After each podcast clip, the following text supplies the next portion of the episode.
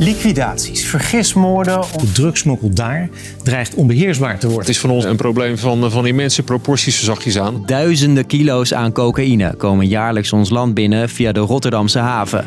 Het afgelopen jaar werd dan wel minder kook onderschept door de douane. Toch blijven ze er heel druk mee. Met uithalers bijvoorbeeld. Zonder mensen die tegen betaling van veel geld bereid zijn cocaïne uit de haven te halen. Simpelweg geen invoer van de drugs. Wie zijn die uithalers en wat wordt er tegen gedaan?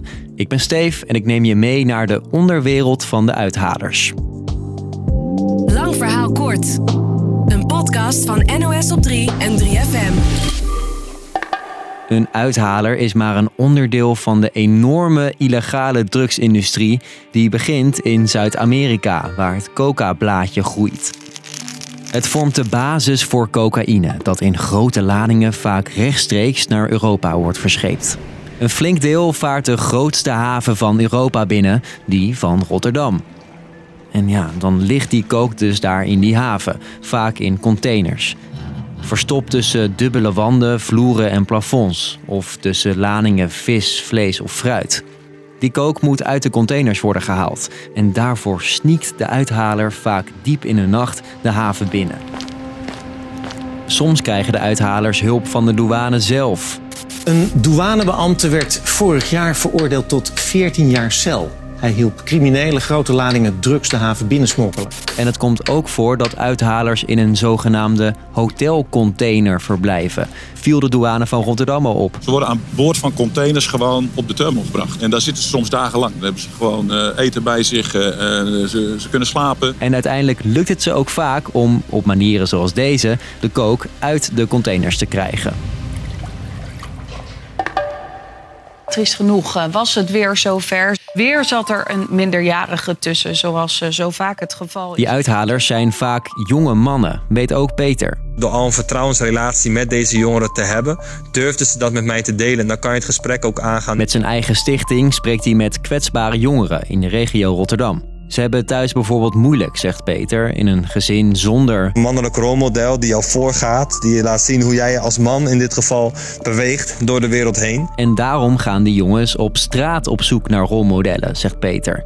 En daar komen ze mensen tegen die zeggen dat ze je makkelijk aan veel geld kunnen helpen. En ja, als jij gevoelig bent voor het snelle geld willen verdienen, uh, als jij al uit de omgeving komt waar het financieel niet heel breed is, dan is het natuurlijk veel aanlonkender dan wanneer je thuis gewoon al helemaal... Uh, ja, oké. Na een geslaagde uithaalactie hebben ze geld voor dure horloges en kleding. En dat is volgens Peter belangrijk op straat. Vooral in de cultuur waarbinnen je beweegt, vooral sterk binnen de straatcultuur, waarbinnen in ieder geval ervaren wordt dat dat een bepaalde sociale status geeft. Dat je dan toch iemand bent. Peter zegt dat er meer moet worden gedaan om jongeren uit deze wereld te houden en een alternatief te bieden.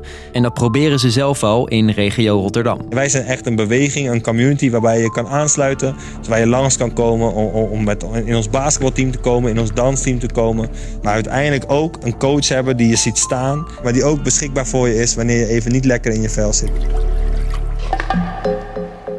Dus voorkomen dat jongeren uithaler worden is één ding. Maar de politiek wil ook een harde lijn trekken. Met strengere straffen. Werd je in 2021 opgepakt in het havengebied, dan kwam je er nog heel makkelijk vanaf. Luister maar naar mijn collega Remco, die toen met zijn neus in dit topic zat. Zolang je niet daadwerkelijk cocaïne bij je had, als je in de haven werd betrapt, dan kwam je weg met een boete van, hou je vast, 95 euro. Nou, dat was het OM natuurlijk een doorn in het oog. Tijd voor een strengere wet, dachten ze. En die kwam er vorig jaar. Als je nu zonder reden door de Rotterdamse haven loopt, kan je in de bak belanden. Maximaal een uh, jaar cel. Het kan zelfs nog wat langer zijn als je wordt betrapt met bijvoorbeeld een valse toegangspas. Of als je mensen onder druk hebt gezet om je binnen te laten. Ook zonder kook op zak kan de straf flink zijn. Zo kreeg een man die zonder vangst in de haven liep een celstraf van 11 maanden. Maar ja, helpen die straffen echt? Nou, Peter denkt van niet. Want als je soms kijkt waar jongeren vandaan komen, dan is dat veel meer ellende dan een jaartje in de bak moeten zitten. Dus dat schrikt niemand af. je moet zorgen aan de voorkant dat er ook genoeg liefde en aandacht is. Want anders zit dadelijk, uh, zit, ja, zitten de jeugddetenties dadelijk helemaal vol met dit soort jongeren. Dus, lang verhaal kort, jonge mannen worden vaak ingezet als uithaler. Ze halen ladingen kook uit containers in de haven en dat gebeurt op zo'n grote schaal dat er veel zorgen om zijn. Er kwam vorig jaar een wet waardoor er nu strengere straffen zijn, maar volgens experts is er meer nodig om jongeren uit deze wereld te houden. Dat was hem voor vandaag. Morgen zijn we er weer met een nieuwe podcast. Doei!